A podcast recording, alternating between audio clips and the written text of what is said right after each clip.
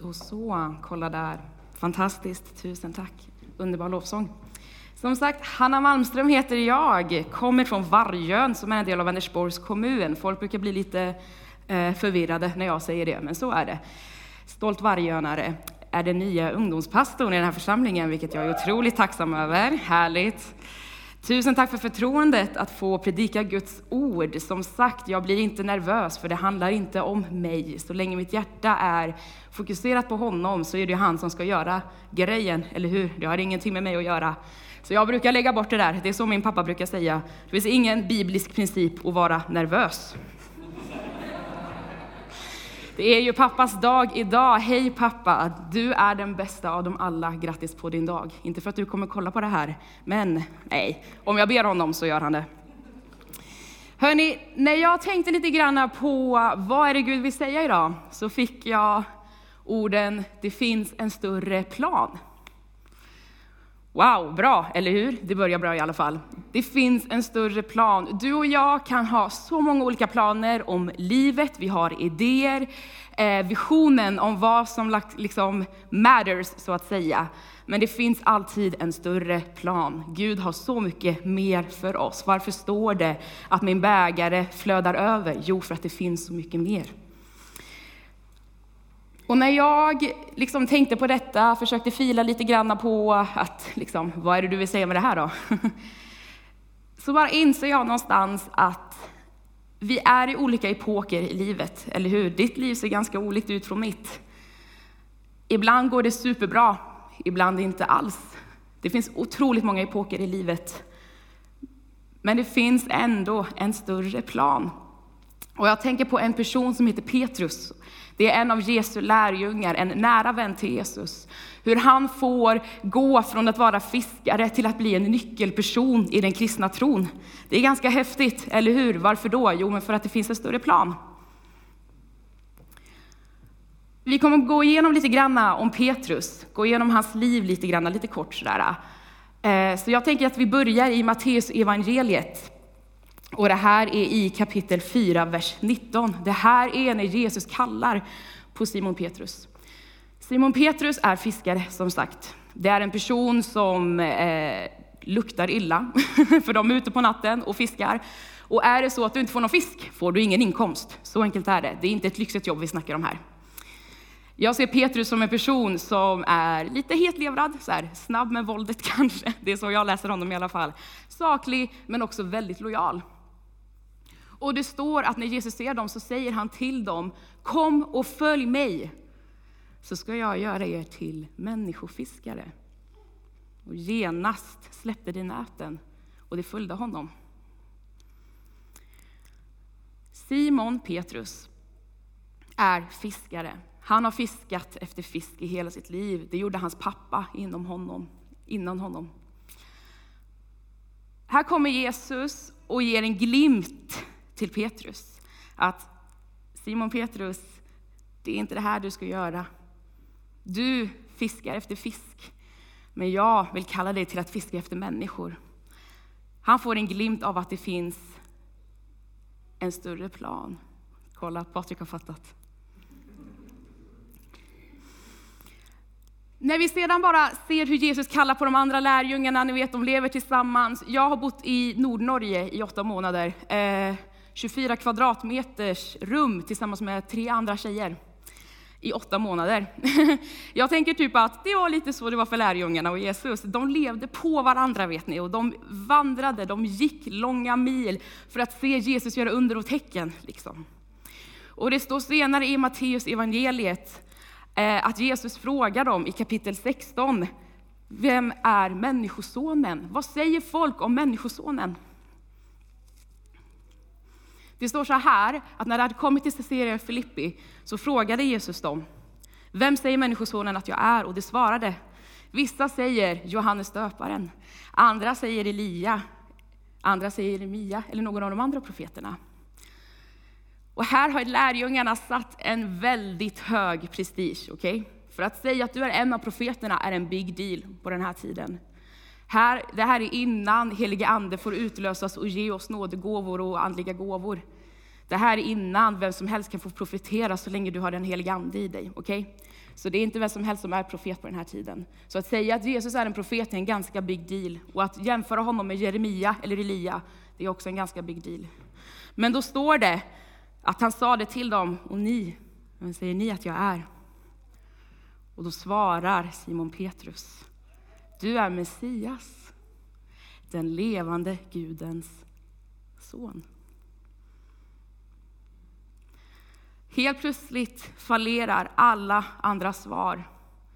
För Petrus här säger framför lärjungarna och framför Jesus att du är den vi har hört profeterna tala om i så många generationer. Det är du som ska rädda oss från förtryck.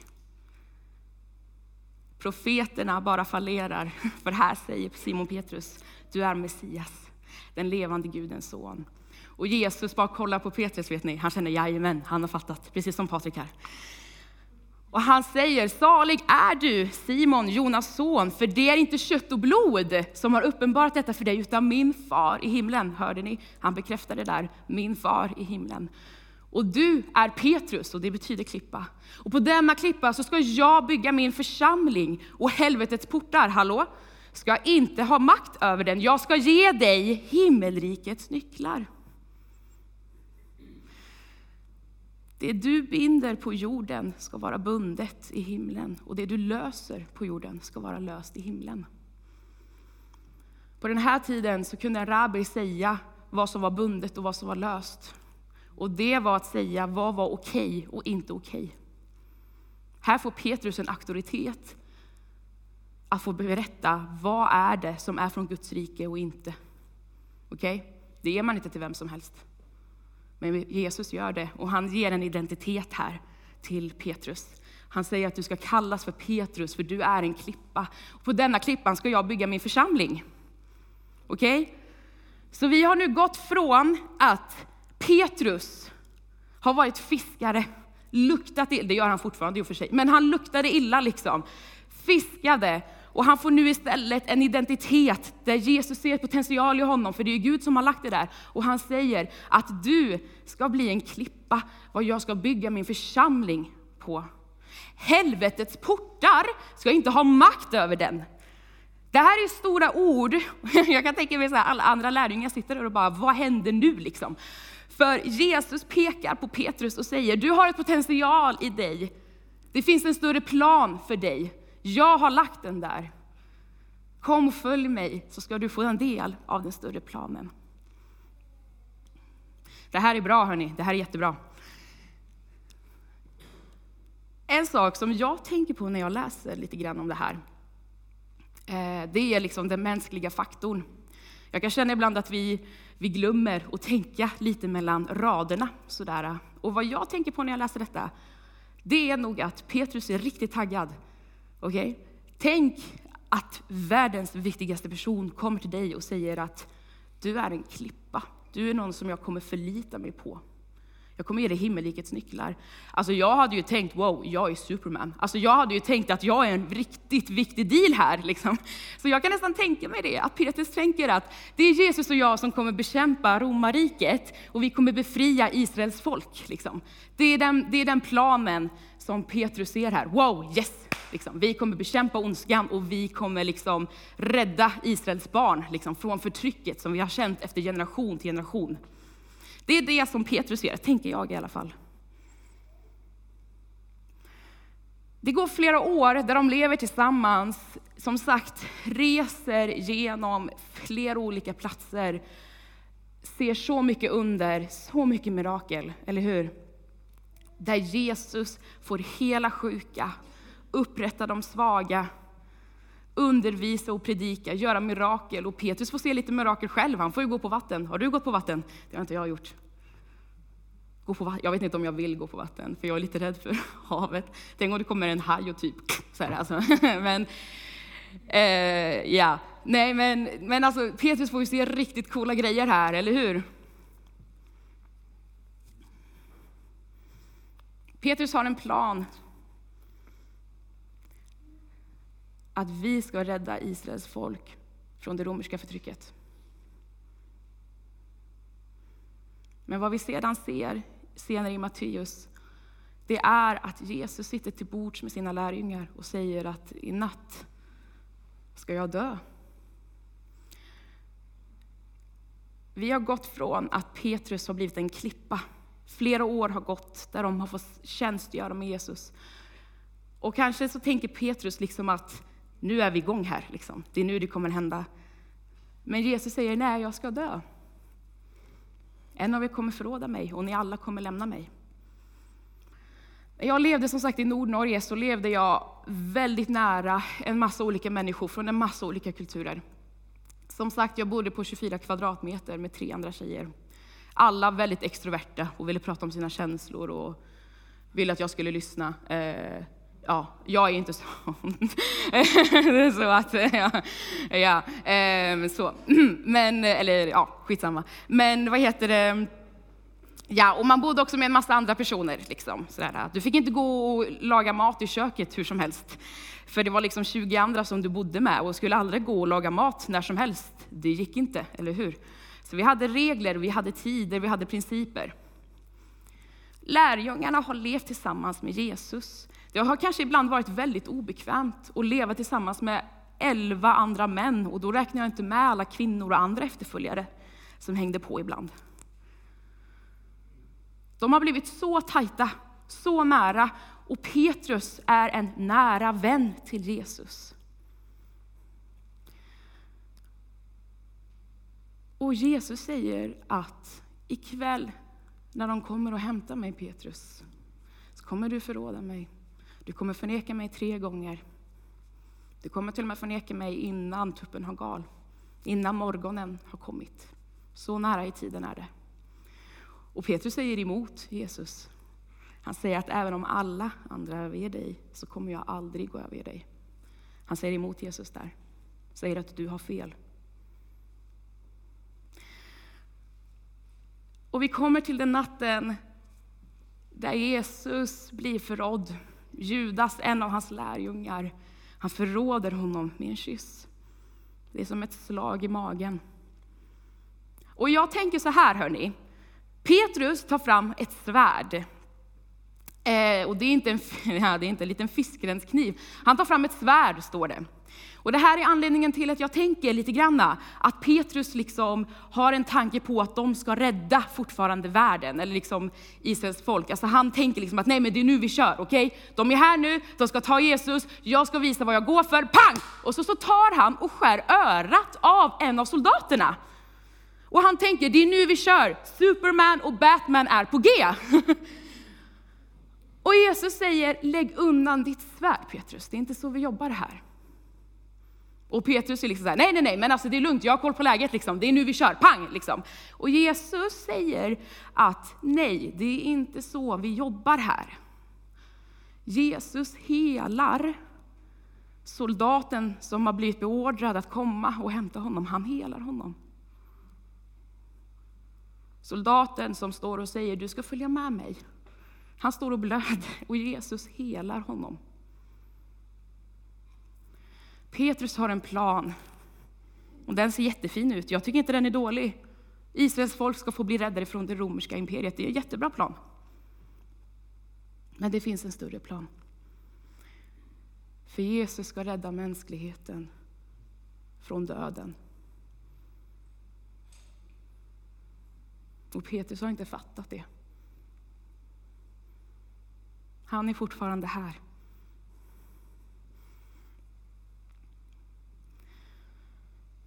Och Jesus, de tar honom, Jesus följer med dem, det är lugnt.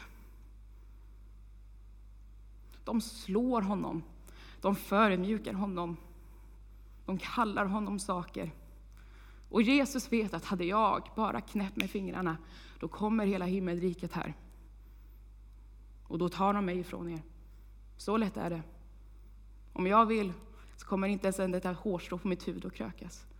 För jag har hela himmelriken bakom mig. Men han låter dem göra det här. Och Petrus och de andra lärjungarna, de blir så rädda. Det står att de springer iväg och gömmer sig. Och Petrus, han förnekar Jesus tre gånger, precis som, han, som Jesus har sagt. Det kommer tjänsteflickor och män och de pekar ut honom och de säger att jag vet att du är en del av Jesus gäng. Jag hör det på din dialekt. Du är inte härifrån. Jag har sett dig med honom. Och han förnekar Jesus tre gånger. Han svär till och med och förbannar. Och det står att när tuppen gal så blir Petrus påmind om det ord som Jesus har sagt. Och det står att han går ut och gråter bittert. Och Jesus dör och Jesus uppstår. Och graven är tom.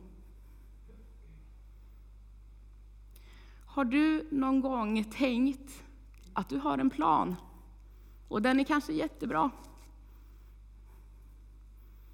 Och så har det blivit fel. För det är inte Guds plan.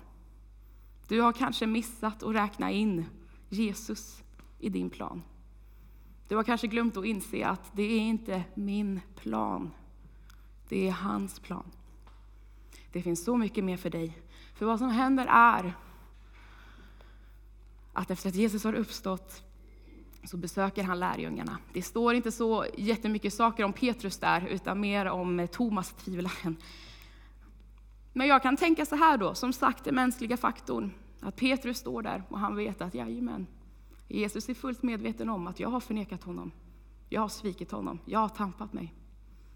Så vad som står efter Jesu besök i Johannes, det är kapitel 21, så står det att Petrus säger jag ska ut och fiska. Det kan ju finnas jättemånga anledningar till att Petrus ska ut och fiska.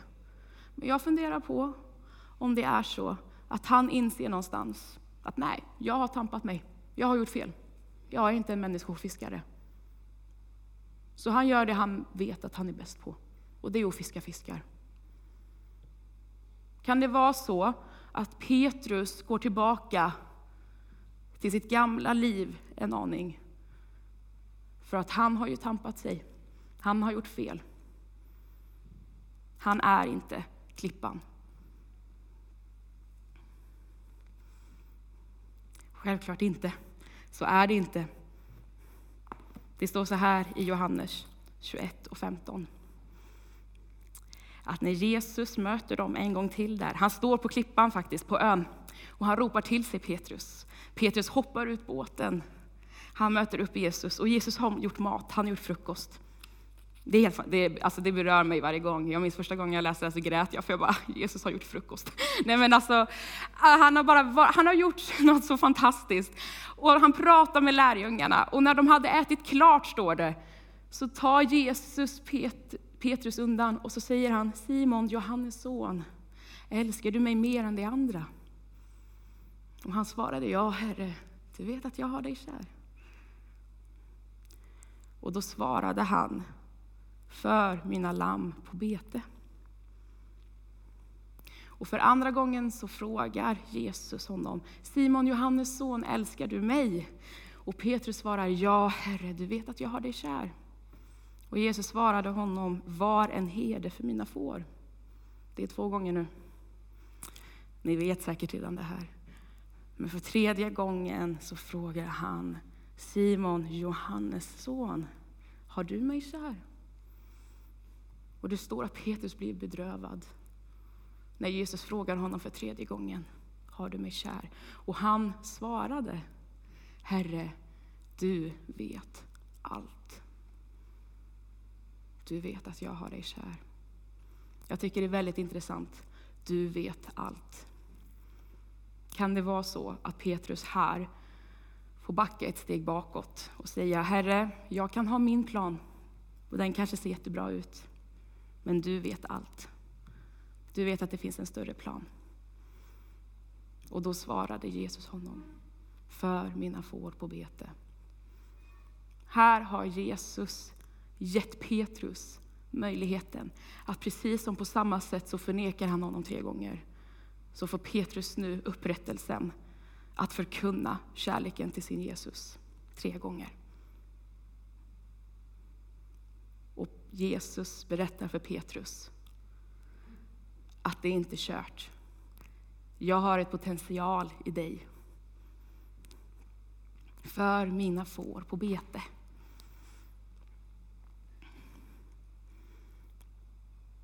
Han påminner Petrus om kallelsen som han har för hans liv. Vad är din kallelse? Vad är den stora planen för ditt liv? För det finns en större plan. Jag menar inte att kritisera ditt liv, verkligen inte. Du kanske har det jättebra. Du har ett fint jobb, du har en bra familj, liksom. ett fint hus. Det är helt fantastiskt. Var, var tacksam, för det är inte alla som har det. Gud har välsignat dig. Men kan det vara så att det finns en större plan? Vi är så fokuserade på hur livet liksom rullar på och rullar på. Vi ska ha de här bra sakerna, för det är då vi blir lyckliga. Och jag är kristen, jag går till kyrkan, jag engagerar mig, jag är med i en servicegrupp. Jag säger inte att det här är dåligt. Jag kritiserar det inte alls. Men kan det vara så att du missar ett tillfälle, en möjlighet, att du missar ditt potential därför att det finns så mycket mer för dig? Varför är vi så rädda för att säga Herre, här är jag. Varför är vi så rädda för att söka mer av vår tro? För det finns ju så mycket mer. Min bägare, den flödar över. Vad betyder det? Du ska ge av ditt överflöd. Vad betyder det? Jag tycker det är så otroligt tydligt att trots våra fel, trots våra brister, trots att vi ibland förnekar Jesus, så ser han vår potential och han ger oss möjlighet efter möjlighet att få komma tillbaka och säga Herre, du vet att jag har dig kär.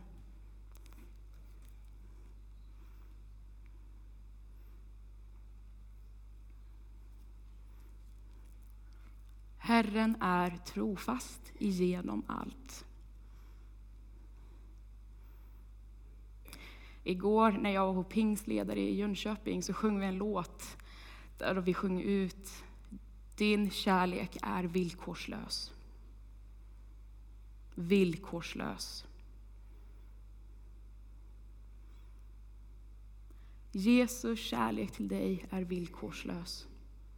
Den är trofast, den sviker aldrig. Jag skulle vilja göra så, vi ska gå ner för landning här. Jag skulle vilja att vi tar och reser oss upp, om du kan. Vi kan få komma fram. Vi tar en tyst minut innan vi går, kliver in i någonting nytt här. Som sagt, Jesus är trofast genom allt. Och han är lojal. Om vi i våra hjärtan vill få ta en del av en större plan, för det finns en just för dig skräddarsydd, kan vi göra så att vi tar och blundar och så bara säger vi, för dig som vill då,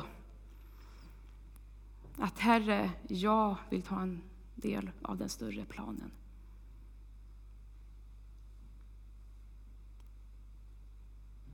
Så jag ska be en kort bön och sedan tar vi en liten tyst stund innan vi kliver in i lovsången.